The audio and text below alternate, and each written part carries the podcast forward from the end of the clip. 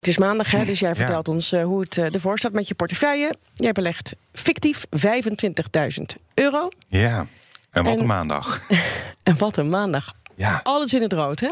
Ja, alles in het rood. Ja, je kan, eh, als je kijkt naar mijn uh, portefeuille, die, stond, uh, die staat nu op zo'n uh, 7,5% rendement vanaf het begin, dus totaal rendement. dat was afgelopen vrijdag bijna het dubbele.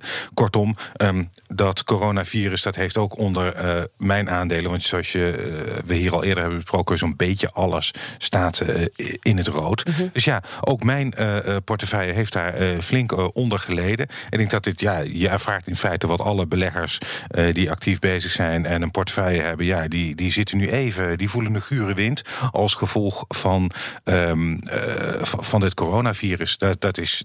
Het, de, het is, je verwacht dat het pijnlijk is, hè? want jij ja. bent een belegger voor de lange termijn. Ja, dus jij raakt niet zo gauw in paniek. Je bent nee. niet zo'n emotionele belegger. Nee.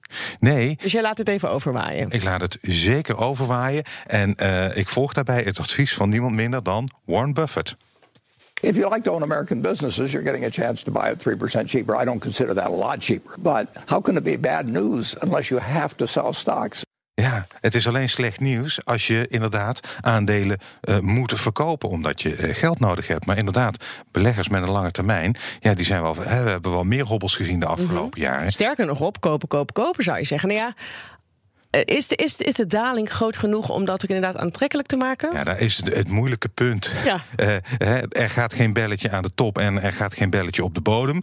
Hè? En je hebt ook een spreekwoord van never catch a falling knife. Dus je moet inderdaad wel even wachten uh, wat er gebeurt. Mm -hmm. in, in dit soort situaties, wanneer de paniek het hoogste, grootste is, dan is Buffett bijvoorbeeld, en dat is toch wel iemand wiens advies je serieus mag ja. nemen, gewoon even rustig laten uitrazen en dan kijken waar je op uitkomt. Misschien is het morgen of eind van de week. Is het maar wanneer weet je dat nog op? Hoe hou jij dat nou in de gaten? Nou, dat is bij dit, uh, dat is bij dit geval inderdaad lastig. Want de, de, de paniek hangt samen met hoe dat virus zich ontwikkelt. Dus het blijft best wel een lastige. Want het was de afgelopen weken. Ik bedoel, dat virus ja. is er al twee maanden in de wereld. Precies, nou, het was natuurlijk in het begin was er wel even ja. wat, wat paniek. Ja. Ik heb het gevoel dat het nu erger is. Klopt dat? Ja, omdat, uh, hè, dat is hier ook al eerder uh, gezegd vanmiddag, het kan een pandemie worden. Mm -hmm. En zeg, dan kunnen dus ook als meer landen maatregelen moeten nemen, zoals China. En nu ook in Noord-Italië. Ja, dan ga je natuurlijk echt wel uh, de economische gevolgen heel direct, heel flink voelen. Dus um, dan, kan, dan kunnen die koersen ook nog verder uh, naar beneden gaan. Op dit moment niet verkopen, überhaupt niet verkopen. Maar wat je zegt van, zou je niet kunnen bijkopen? Ja, dat kan. Ja, en, uh, maar goed, dan is het dus de vraag de inderdaad. Komen, ja. Wanneer ben je op dat. Wanneer weet je nou van nou nu kan ja, het kantelmoment komen? Dat weet je natuurlijk niet. Dat weet je inderdaad niet. Maar ik denk dat ik de komende week wel al wat ga kopen. Uh, omdat ik denk, uh, ik, ik heb toch wel een aantal dingen op mijn lijstje staan die ik wilde. We hebben het hier vorige week gehad mm -hmm. over banken. Hoeveel geld heb je nog over eigenlijk? Uh, ongeveer 6000 euro, 5.000, 6.000 ja. euro. En dus daar kan ik nog wel wat mee. Nou, daar staat op mijn lijstje onder andere banken. Ik heb het er vorige week over gehad. Er mm -hmm. zijn er een paar die er uitspringen. Onder andere de bank waar Ralf Hamers naartoe gaat. UBS, UBS, staat op mijn lijstje van potentiële kopers. En waarom?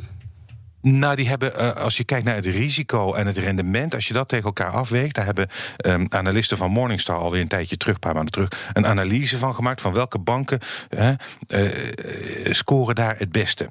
En daar zijn er een paar uitgekomen, onder andere Lloyds, KBC, Belgische Bank en ook UBS. Dus uit die sector, uit dat kleine poeltje, ga ik eens even kijken wat ik ga doen. Warren Buffett uh, is uh, vandaag uitvoerig geïnterviewd ook door CNBC. Omdat is elk jaar, omdat hij zijn brief aan de aandeelhouders heeft gepubliceerd. Hij is een groot fan en hij heeft natuurlijk ook een groot belang in Apple. En ja, die heb ik nog niet. Misschien dat Apple uh, interessant wordt. Dan natuurlijk ook gewoon goedkoper. Dus misschien dat Apple ook nog wel toegevoegd wordt. Aan maar je kijkt dus nog even deze week hoe het ik gaat. Ik kijk deze week even aan, maar ik vind het, het, het wordt steeds interessanter. Rob, dankjewel.